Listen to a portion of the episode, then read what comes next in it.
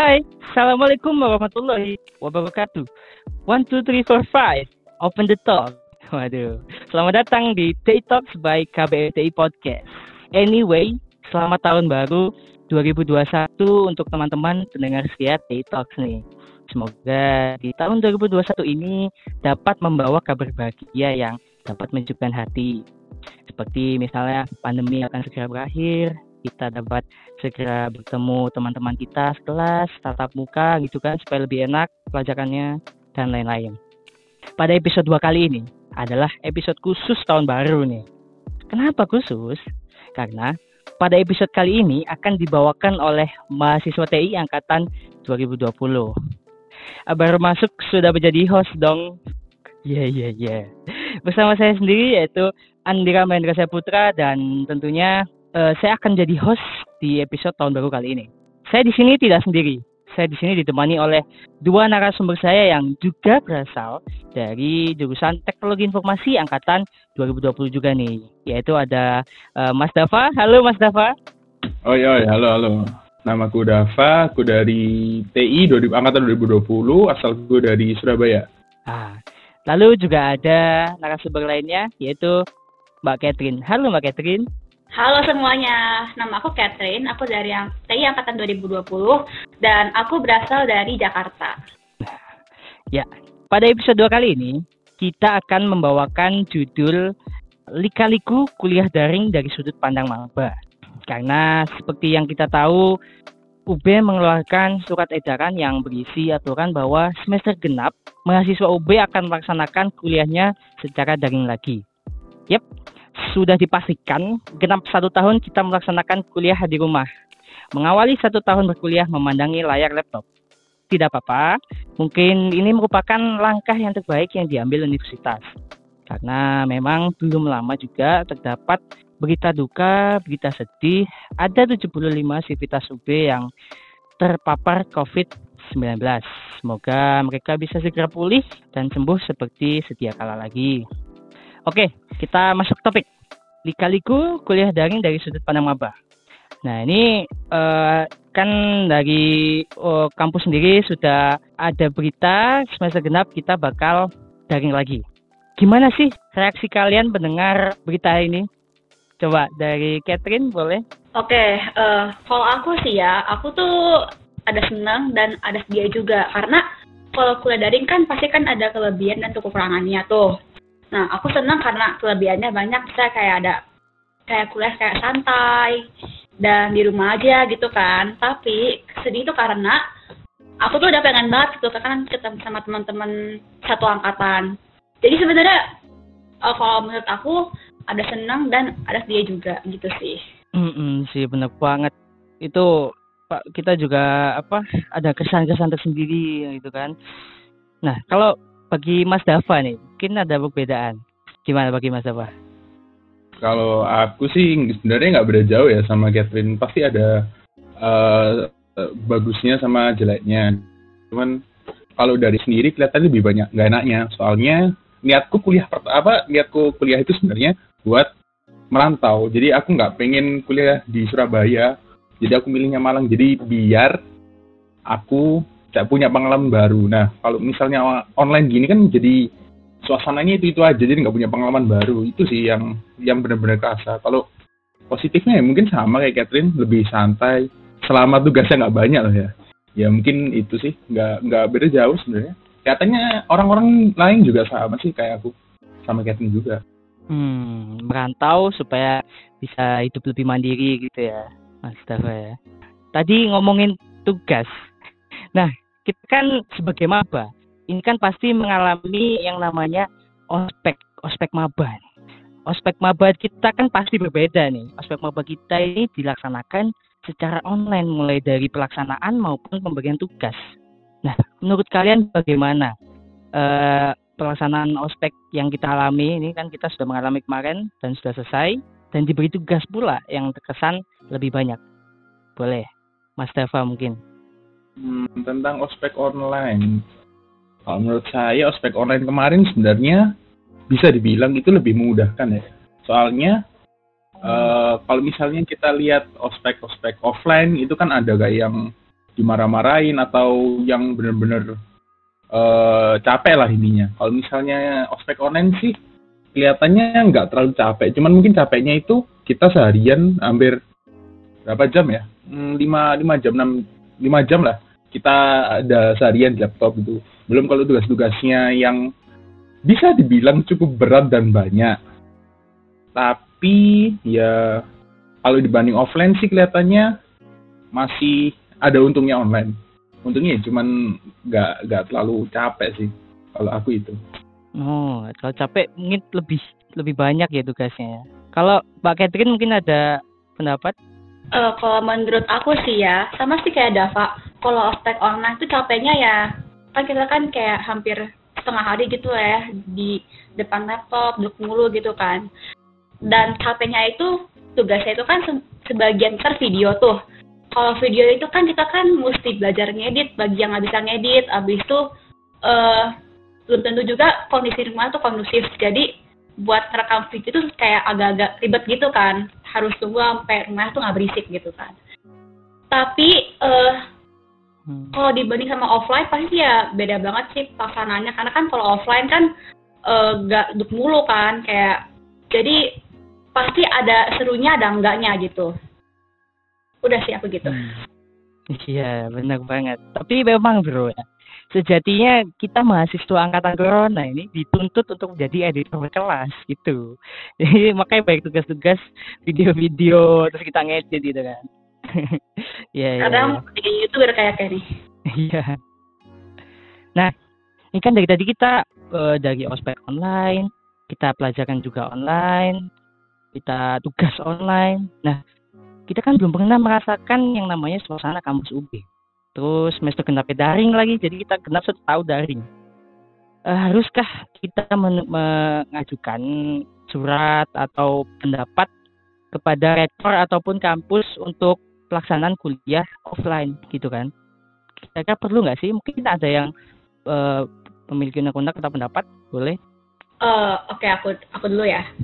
Kalau menurut aku sih menurut aku sih nggak perlu ya karena uh, gimana ya keputusan yang diambil oleh pihak kampus itu pasti merupakan keputusan yang terbaik buat kita kayak yang, yang bisa kita lihat uh, sekarang itu kasus covid covid tuh belum belum apa sih belum merendah kan. Masih masih meningkat mulu kan. Uh, jadi hmm. pasti itu merupakan keputusan terbaik buat kita gitu. Dan kalau kita protes atau kasih pendapat ke rektor itu menurut aku mungkin malah akan lebih ngerepotin gitu ya. Karena pasti kan eh, jajaran pengajar di UB itu kan pasti kan punya kesibukan masing-masing. Jadi menurut aku sih nggak perlu tuh oh iya iya benar-benar benar kalau aku kelihatannya agak beda sama Catherine cuman ada bagian oh. yang aku oh. setuju sama Catherine bagian yang yeah, yeah. Uh, menurut dari universitas ya universitas itu sudah keputusan baik, paling baik itu aku setuju bagi itu. Cuman mungkin kalau menurutku daripada nggak protes mungkin lebih baik diambil jalan tengahnya. Jadi misalkan nanti misalnya kita semester 2 itu kan sampai bulan Juni Juli ya sekitaran itu. Mungkin hmm. kalau uh, ntar udah misalnya bulan April atau bulan Maret mungkin di Malang udah mulai agak normal, maksudnya sudah mulai aman mungkin membaik, bisa di ya. uh, sudah membaik itu mungkin kita bisa dikasih kuliah offline offline gitu loh jadi kita nggak nggak satu tahun online soalnya gimana ya aku, kuliah itu cari offline ya bukan cari online ya terus online itu kan juga kayak kita kekurang apa kehilangan pengalaman pengalaman offline gitu. Kayak cari hmm. cari relasi itu kan susah kalau misalnya online. Ya itu sih. Kalau aku. Jadi menurutku mendingan uh, kalau memang kalau memang bisa nanti suatu saat apa uh, di kalau misalnya ada kesempatan dibuat offline. Tapi kalau emang benar-benar nggak memungkinkan ya gimana lagi harus online sih kalau aku gitu hmm jadi kayak ketika ma eh, kota Malang sudah mulai membaik sebaiknya uh, ada beberapa mahasiswa yang diperbolehkan untuk datang offline gitu ya ya online, tapi tergantung, tetap tergantung orang tua masing-masing mengizinkan atau tidak Ya bisa. Nah, kita kan uh, selama enam kurang lebih enam bulan lah ya, kita sudah melaksanakan perkuliahan ini secara daring. Kalau boleh tahu nih, uh, ada nggak sih kesulitan kesulitan-kesulitan dalam menjalani perkuliahan daring gitu? Coba dari Mbak Catherine boleh. Kalau dari aku ya, banyak sih ya kesulitannya. Aduh. Jadi yang kalau yang paling aku rasain tuh hmm. uh, aku tuh lebih susah memahami materi dari dosen gitu loh. Jadi kayak menurut aku tuh kalau online itu kan pasti kan ada kendala antar dari sinyal. Kayak kalau sinyal kan antara akunya yang lemot atau bisa jadi juga uh, apa pengajaran yang lemot gitu kan. Jadi uh, pasti ada kendala di sinyal yang membuat aku tuh uh, susah untuk memahami materinya. Nah, uh, kesulitan yang lain tuh menurut aku uh, ada di perbedaan waktu ya. Sebenarnya ini uh, bukan aku yang ngalamin, oh, iya. cuman kayak kan ada yang WIB, ada yang Vita, ada yang WIT dan itu kan oh. WIT sama WIB kan beda kan dua jam kan, jadi itu kan kayak perbedaan hmm. yang cukup signifikan kan. Hmm. Uh, terus apalagi ya? Oh ya nih, ini kayaknya sih dirasain oleh semuanya ya, nggak cuma dari TI doang, yaitu UKT. UKT kan mahal hmm. nih. Wow, wow, wow, wow. Mahal, Beres, tapi kita tuh nggak bisa ngerasain, kita tuh nggak bisa ngerasain fasilitas kampus secara langsung gitu loh. Hmm. Bahkan yang ada, kita mesti mengeluarkan biaya lebih untuk membeli kuota. Karena kadang kan ada dosen yang kalau mau uh, Jimit atau Zoom kan perlu harus on cam gitu kan. Jadi hmm. itu kan hmm. pasti kan bakal makan banyak kuota kan, dan itu kan membuang banyak duit kan. Cuman yeah. sekarang udah ada hmm. sih kuota Kemendikbud gitu yeah. kan, jadi ya cukup membantu lah gitu sih. Uh, atau mungkin UKT yang kita berikan itu uh, balasan yang kita dapatkan adalah kita mendapatkan waktu rebahan lebih banyak. Oke. Okay? Ah Lanjut, iya, mungkin bisa jadi. ya itu bisa sebenarnya kayak kita bayar UKT mahal-mahal tapi dapetnya rebahan kayak itu fasilitasnya itu bisa sih cuma buat apa kita kuliah bayar mahal cuma buat rebahan gitu lu lu ya, gitu kan. banget tuh Kak Dava. Jadi uh, universitas itu mengajarkan selagi kita rebahan kita bisa mendapatkan ilmu juga gitu Mas Dava. Oh. Mm -mm. Oke. Okay. Hmm, bisa okay, juga ya. sih. Jadi kalau untuk kesulitan Mas Dava uh, ada mungkin?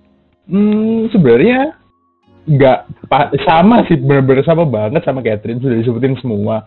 Cuma hmm. kayaknya itu juga itu kesulitan yang tadi disebutin Catherine itu sebenarnya kesulitan semua orang yang uh, merasakan pembelajaran online ya masuk ada hmm. uh, orang yang nggak nggak cuman kuliah pas pasti aku yakin kayak yang SMP SD SMA itu pasti juga ngerasain hal yang sama kalau hmm. kesulitannya kalau yang buat dari aku sendiri itu uh, koneksi sih kalau hmm. mungkin yang kayak tadi yang disebutin Catherine itu kan uh, masalah kuota kalau misalnya yang orang apa yang pasti dirasain orang itu kayak jaringannya yang tidak bersahabat gitu. Kayak kita misalnya hmm. ada waktunya presentasi nih, presentasi penting-penting tiba-tiba mati lampu oh. atau tiba-tiba yeah, yeah. uh, down internetnya kan susah gitu loh.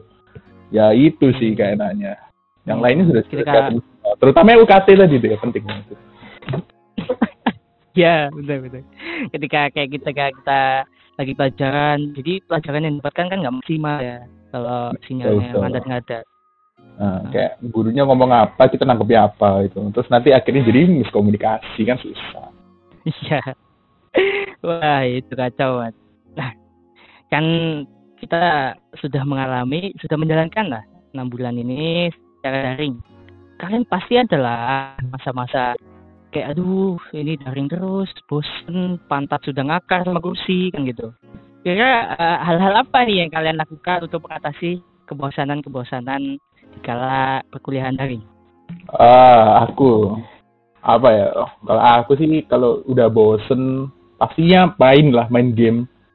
Game ya game apa pun. Kalau nggak main game uh, nonton, nonton film. Atau mungkin cuma sekedar dengerin lagu. Yang pastinya di kasur bukan di kursi soalnya kalau misalnya di kursi ya sama aja gitu kan. Intinya kalau misalnya udah bosen sih mencari kesibukan yang lain ya. Bisa sekedar ngobrol sama orang lain itu juga buat aku ngatasin kebosanan kuliah sih. Kayak ngobrol sama adikku atau sama ibuku bapakku. Oh bersosialisasi dengan lingkungan sekitar ya. Betul sekali. Biar tidak terlalu nolep gitu loh. Ah, Kalau aku sama Dava sama sih. Kayak mabar itu kayak Mobile Legends, Valorant, dan bahkan game-game online simple yang macam Tetris, Gartic, Among Us itu kan kalau dimain Iya, iya. bareng-bareng kan seru banget kan. Kayak nggak perlu Seru skill game khusus gitu kan, santuy aja Bener. gitu. Nah terus eh, kalau bosan main game juga biasanya sih kan ada Discord nih, Discord angkatan, Discord kelas itu biasanya kan pada eh, join call buat ngobrol bareng-bareng. Jadi kan karena kita kuliahnya online, biar lebih akrab gitu lah. Jadi lewatnya eh, ngobrol-ngobrol kan lewat Discord gitu kan. Atau mungkin hmm. di Discord juga bisa kalau belajar kalau mau belajar kalau nggak mau sendiri juga bisa bareng-bareng teman kan ada yang share screen ada yang ngajarin orang lain itu kan juga sekaligus nambah ilmu dan nambah keakraban gitu Ah, Atau benar, benar. gibah-gibah juga bisa di Discord itu. oh iya Hello, hello, benar. hey. Itu kan mm, diri Anda sendiri, jangan disebutin dong, oke? Aduh, aduh. aduh Aduh. Iba itu nggak baik guys jangan tiru Dava ya Jangan munafik guys, Iya. mohon maaf. Aduh. parah di Dava ini Aduh, aduh, parah, parah. Oke, oke ya, kita lanjut. Kita kan perkuliahan ini pasti mendapatkan mata kuliah, mata kuliah. Macam-macam kan mata kuliahnya. Dan eh, pasti ada nih mata kuliah, mata kuliah terfavorit bagi kalian nih. Mungkin Waduh, boleh terfavorit. Sama. Oke. Ya. Kasih tahu guys, kasih tahu. Ini pertanyaan yang cukup sulit ya Iya, iya, iya. eh kalau aku sih kayak sih pemdas ya pemrograman dasar soalnya itu kan matkul yang eh, basic dan penting kan untuk jurusan TI. Jadi eh, kayak aku otomatis eh, harus bisa apa ya harus ngerti banget lah untuk eh, matkul ini. Jadi kayak aku juga mungkin karena keseringan latihan gitu ya di hacker rank, jadinya favorit Hmm. gitu. Apalagi dosen pengajar dan abstraknya itu baik banget dan ngajarnya itu Benar. jelas lah. Jadi dibanding matkul yang lain, aku paling suka ini sih pemdas. Gimana tuh kalau Kak Dava? Ya, Eh, Dava, coba, kok Kak Dava sih? Ya ampun. Nggak apa-apa. Kalau aku sih sama sebenarnya Pemdas. Alasannya ya, alasanku masuk TI itu buat belajar coding kayak waktu SMA itu keren aja bisa coding. Jadi alasan apa? Kalau yang dibilang paling favorit apa Pemdas. Cuman kalau ditanya paling susah apa itu Pemdas. Soalnya dari sejauh ini termasuk yang susah dipahami gitu. Nggak susah sebenarnya, cuman butuh Hmm. latihan aja mungkin ya itu. Hmm, butuh Maaf, waktu. Oh iya mau nambahin Coba. nih. Aku Nah, kan apa tuh? favoritnya pemdas bukan berarti paling jago pemdas ya. Aku juga sebenarnya masih nggak bisa. Iya, benar-benar. Wah, aku kira jago loh tadi udah udah udah kayak kan ada favorit gitu kan. gitu cuman kan. cuman nggak jago bang. Gimana ya? Aduh. Cuman Belum belum jago. Belum Belum, jago ya, bukan- belum jago. jago, belum. Iya, iya, belum, belum. Semua Nanti, butuh proses, wow. guys. Nanti Catherine leaderboard nomor satu 10 menit. gitu kan. Iya. Tunggu saja waktunya. Iya, iya, iya.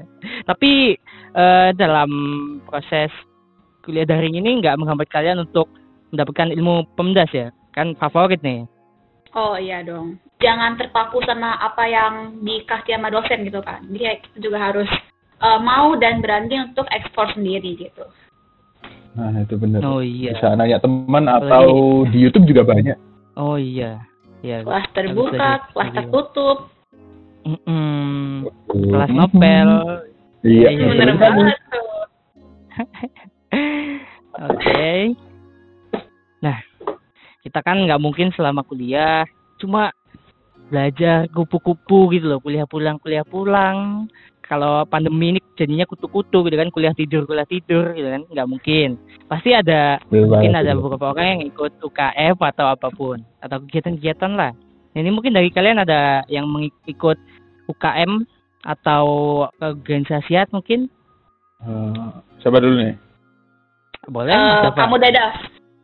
Oke oke, aku kegiatannya cuman eh, selain selain akademik, cuman itu Hmm. sih apa ikut staf muda, MT, Oh. staf muda MT, udah itu aja. Iya.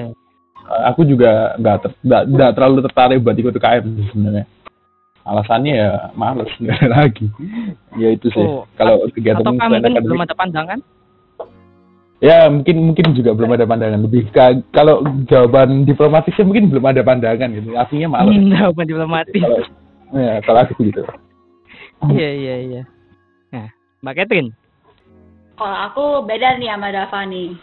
Eh, Oh, jadi eh, aku tuh sebenarnya tertarik untuk ikut UKM yang olahraga gitu. Kayak aku tuh tertarik buat yang ikut UKM bulu tangkis sama basic shooting club kemarin. Tapi setelah aku pikir-pikir lagi, kan kalau UKM olahraga kan kayak eh pengen tuh kayak terjun ke lapangan langsung kan, offline. Jadinya tuh tak kenapa kemarin tuh aku pikir-pikir kayak ah nggak usah deh aku mungkin daftar UKM-nya nanti aja pas udah kuliah offline.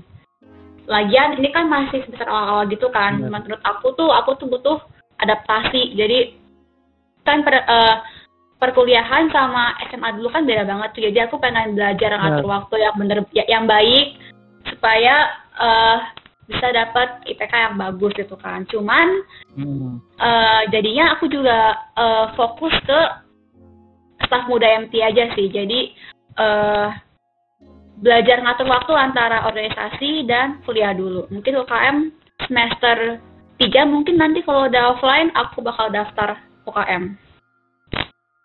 Hmm. Kayaknya untuk di angkatan kita nyebutnya bukan semester 1 2 3. Semester online dan semester offline. Oh iya, mungkin semester Iya. offline. bener bener Iya, bener banget. Gak tahu online sampai Aduh. kapan, gak tahu offline kapan Emang gitu. ya. Tapi kita harus tetap Unik optimis, Bro, 2020. sebagai mahasiswa Indonesia yang baik itu harus optimis. Bener Berdoa banget ya. Iya, iya, iya, iya, iya.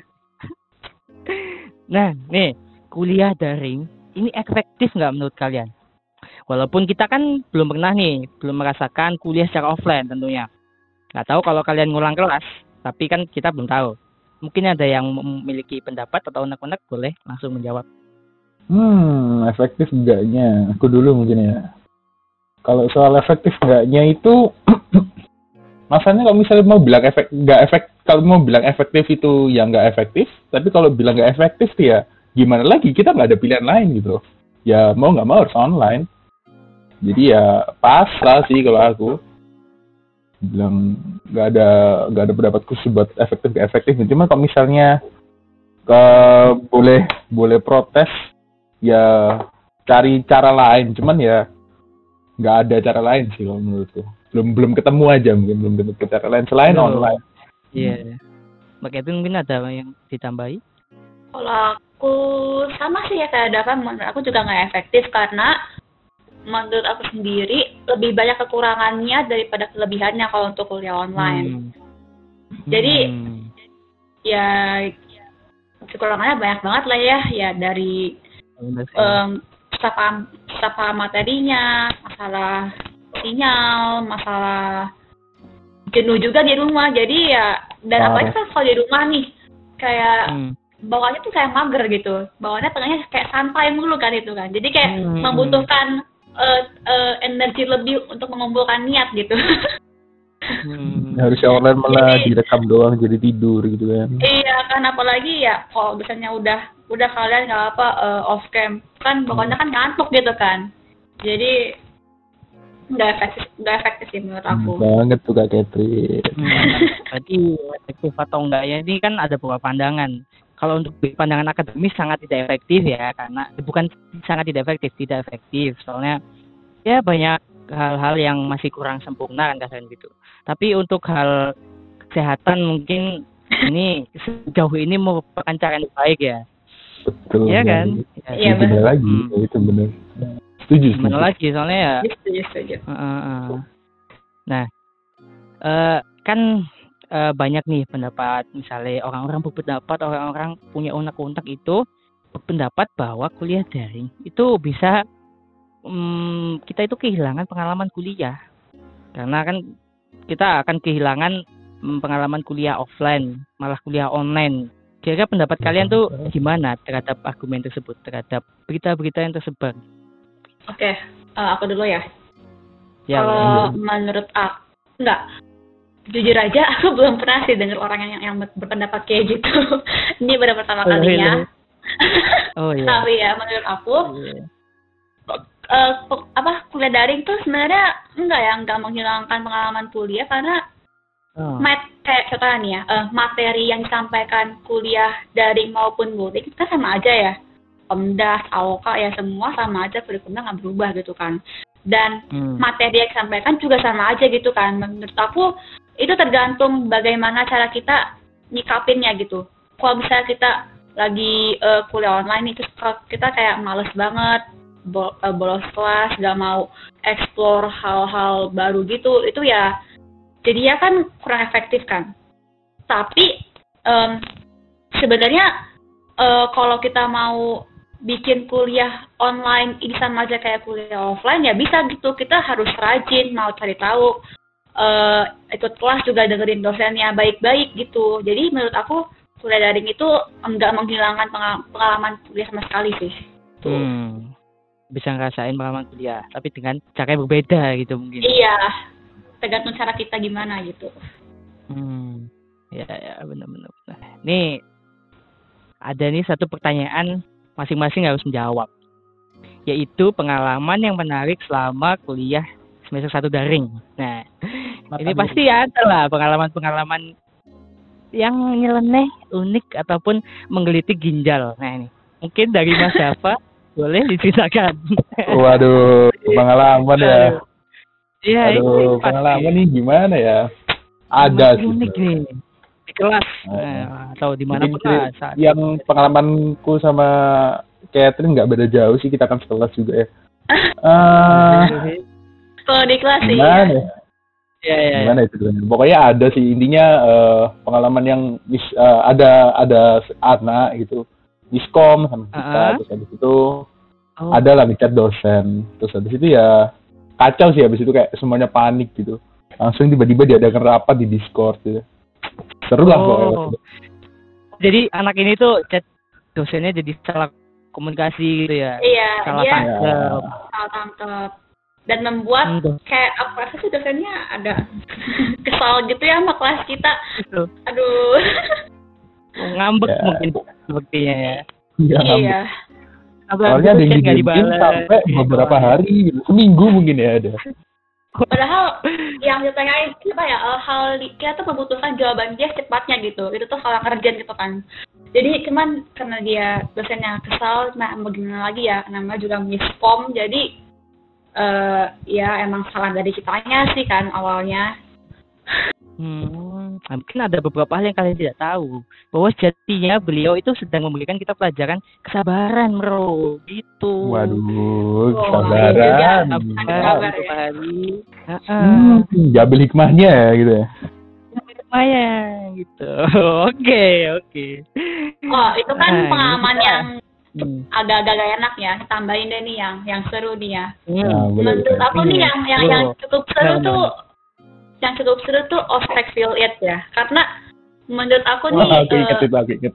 ospek feel it tuh Wow, wow. berbeda gitu ya dari ospek-ospek yang lain karena Iya, penugasan tuh betul. kayak nggak semua bikin video sudah kayak bikin video cuman eh, seru gitu kayak tentang video tempat-tempat eh, spot-spot terkenal di Malang abis itu bahkan ada Oh, penugasan iya. yang disuruh nonton film kan kayak Ya, benar, ospek mana lagi gitu kan review yang ngasih film. tugas buat Hmm. review film gitu kan Hmm, hmm, benar.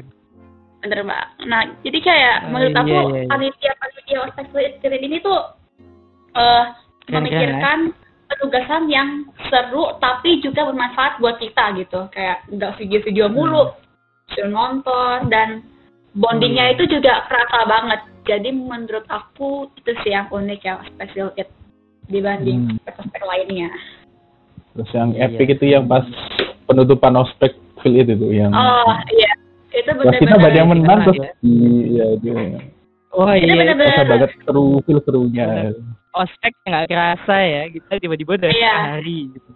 Gokil nah nih. betul sekali benar-benar Bener. berkesan dan berbekas gitu di hati kita wih deh Nah, untungnya Makanya. berkesan Hmm. cinta TI ya. cinta, Cinta dong. dong. aduh aduh Iya iya iya iya iya. Mantap jiwa pro. Oke. Nah, nih kita sudah di pengunjung acara. Kita sudah melalui beberapa menit mengutarakan unek-unek kita nih. Nah, karena kita sudah di pengunjung acara, terdapat tarikan kesimpulan. Jadi kesimpulannya kan kita sudah segenap sudah akan menjalani uh, perkuliahan secara daring. Ya mungkin um, apa sistem yang dilaksanakan merupakan sistem yang terbaik bagi universitas dan bagi semuanya lah. Meskipun secara akademik seperti yang dibilang tadi uh, masih kurang maksimal.